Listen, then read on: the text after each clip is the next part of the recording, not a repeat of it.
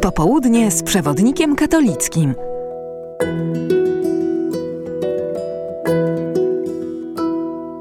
Gorąco pragnąłem. To tytuł okładki 29 już e, numeru Przewodnika Katolickiego w tym roku.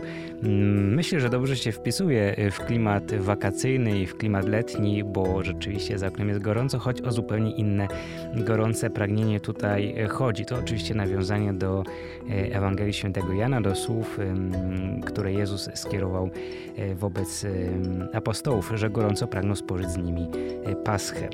E, ale to też słowa, które rozpoczynają list papieża Franciszka, list o liturgii i właśnie mm, tym listem zajmujemy się, to temat okładkowy, temat numeru Desiderio Desideravi. Jest to kolejny dokument, który no nie jest instrukcją, nie jest też wykładem teologicznym, ale jest katechezą, listem papieża do wiernych, tym razem właśnie o liturgii. Mm, temat liturgii właściwie pojawia nam się e, w numerze dwukrotnie. E, w tym temacie e, numeru oczywiście mm, ksiądz Krzysztof Porosło przejrzał ten dokument, przeanalizował dla nas i, i wyciąga z niego clue, to co jest najważniejsze, to co jest najistotniejsze i to co może nas jakoś pociągnąć bardziej ku liturgii, a mam nadzieję też, że ku przeczytaniu tego tekstu. Ale też powraca temat liturgii przy okazji rozmowy Weroniki Frąckiewicz z Łukaszem Serwińskim, a to a propos festiwalu Muzyka Divina. Muzyka dawna nie znaczy przebrzmiała. To jest tytuł tego mm, wywiadu, tej rozmowy.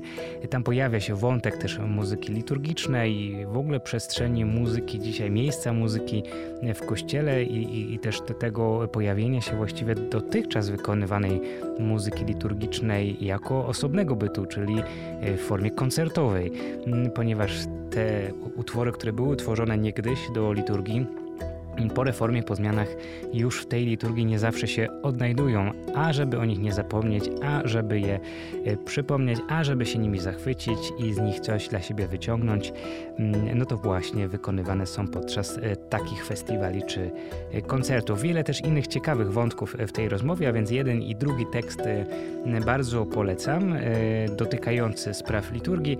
Mm, a ponieważ to temat ważny, a mi zawsze bliski, to też kilka słów komentarza odredakcyjnego ode mnie na samym początku.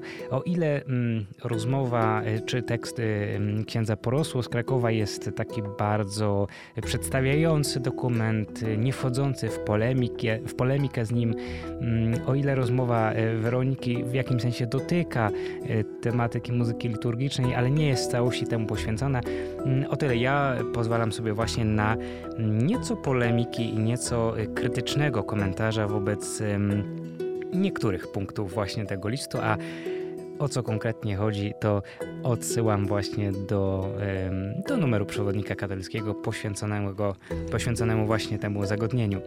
E, natomiast e, bardzo też e, serdecznie polecam mm, jeszcze kilka innych tekstów, które się w tym numerze pojawiły, a skoro tak ciągle wakacyjnie pozostajemy, to myślę, że bardzo aktualny tekst Piotra Wójcika, Lotnictwo na zakręcie. Być może niektórzy nasi czytelnicy, czytelnicy przewodnika katolickiego, czy słuchacze radia Emaus, czy słuchający nas także w innych rozgłośniach, czy poprzez chociażby internet, Mm, no, natknęli się na ten problem, y, utknęli gdzieś na lotnisku, y, czekali na spóźniony lot, a może został ich lot odwołany, a może był problem z bagażami.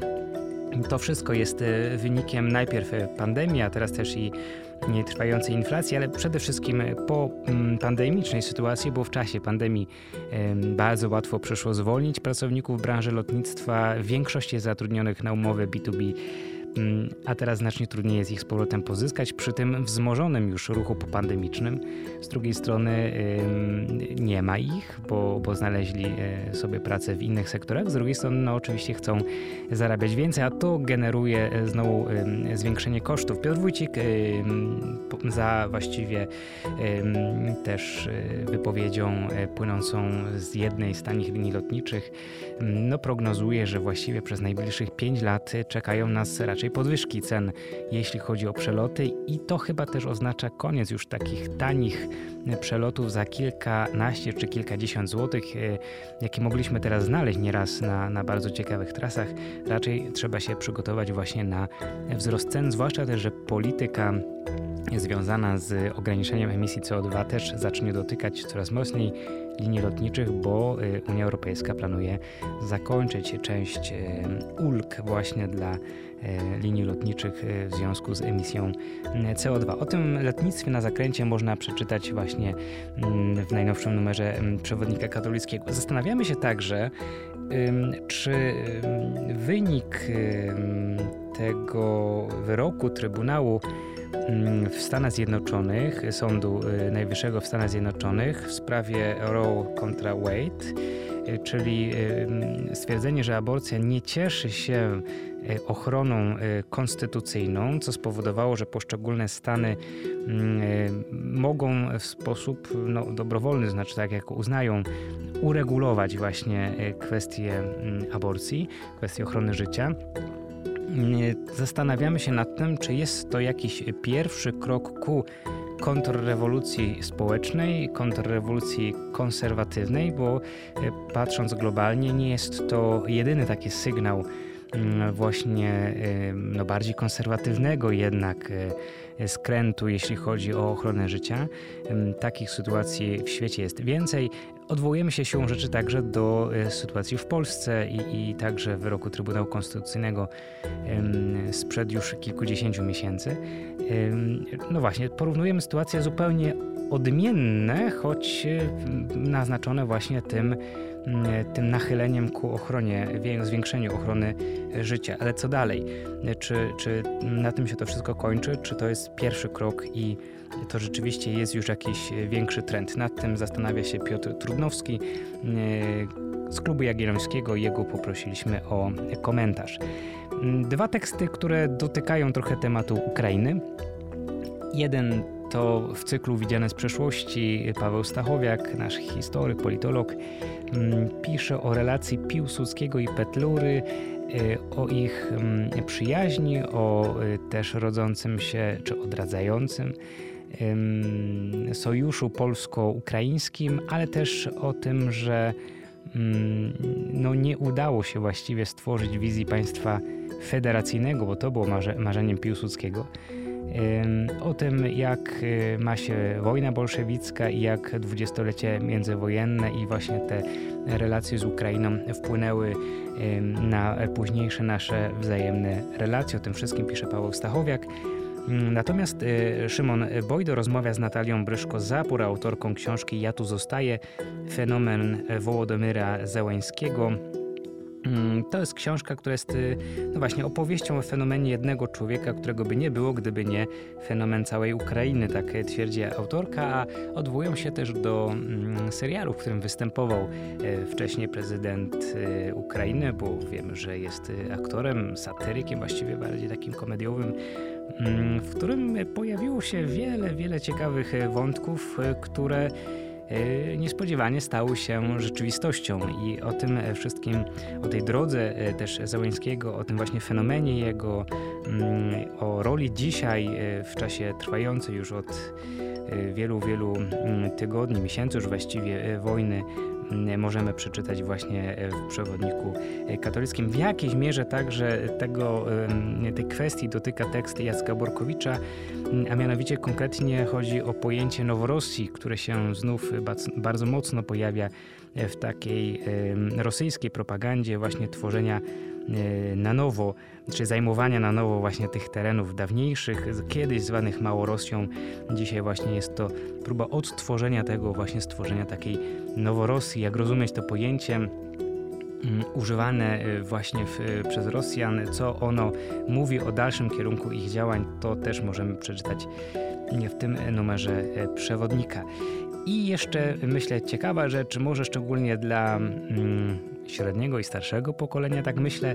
Mianowicie Natalia Budzyńska porusza kwestię mm, emoi, albo emoji, bo to też różnie się wymawia, czyli język bez słów, to tytuł jej artykułu. Chodzi o mm, sposób komunikacji młodego pokolenia, które e, coraz bardziej staje się obrazkowe, które porozumiewa się takimi piktogramami.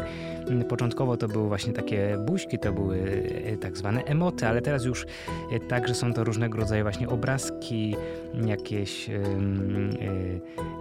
właśnie buźki i tak dalej. To się nazywa emoi. Mm, w jaki sposób to wpływa na komunikację? Czy rzeczywiście to jest tak, że Mm, że możemy jakoś krytykować to strasznie mocno i utyskiwać, jak to teraz to pokolenie się degraduje w języku, y, że, że wyraża się w taki uproszczony sposób, a może, a może to jest kierunek, który pozwala nam też y, w sposób taki prosty i, i jakiś bezpieczny wyrażać swoje emocje, które być może nie wyrazilibyśmy inaczej. Polecam tekst Natalii Budzyńskiej, żeby też poszerzyć sobie właśnie spojrzenie na, na ten sposób nowy albo inny pewnie od, od starszych pokoleń sposób komunikacji dzisiaj młodego pokolenia, choć pewnie upraszczam mówiąc tylko o młodym pokoleniu, bo przecież emoty czy emoi stosują także z powodzeniem osoby starsze. Sondażowy znak czasu, ksiądz Artur Stopka, to jeszcze temat, który też warto przynajmniej zasygnalizować. Wracamy znów do badania opinii publicznej. Tym razem pojawiło się kilka takich badań, które zrobił CEBOS, ale nie tylko. Y, które y, no, pokazują y, aktualny stan religijności, pewne trendy w religijności Polaków, także młodego pokolenia, czy coś się zmienia w stosunku do tego, o czym pisaliśmy jakiś czas temu. Do, to odsyłam do, do tekstu księdza Artura Stopki i też myślę, że w związku z tym, że przypadnie nam w tym nowym tygodniu wspomnienie wspomnienie Matki Bożej z góry Karmel, to jest y, związane z, ze szkaplerzem. To właśnie rozmowa o szkaplerzu, który no, nie jest talizmanem, choć y, być może niektórzy tak trochę na to patrzą, że nosząc właśnie szkaplerz będą automatycznie mieli łatwiej. To ojciec Włodzimierz Tochmański, który odpowiada za całe bractwo szkapleżne, y, myślę, że dosyć klarownie tłumaczy, na czym polega tak naprawdę noszenie szkaplerza, z czego to się bierze. No i właśnie my w kategoriach wiary nie patrzymy na żadne rzeczy w sposób y, taki automatyczny, to nie są talizmany, to nie jest coś, co nas automatycznie chroni. Mm, no właśnie, czym zatem jest szkaplerz, jak na niego patrzeć, jak go rozumieć, po raz kolejny odsyłam do przewodnika katolickiego. Jak widać wiele y, tekstów, a mógłbym jeszcze wiele mówić ale po prostu polecę e, numer przewodnika katolickiego, numer 29. Gorąco pragnąłem na okładce papież Franciszek, który mówi o liturgii. Ksiądz Wojciech Nowicki, bardzo miło mi było gościć e, u Was przez tę chwilę, opowiadając o przewodniku. Zachęcam, by do niego sięgnąć. Popołudnie z przewodnikiem katolickim.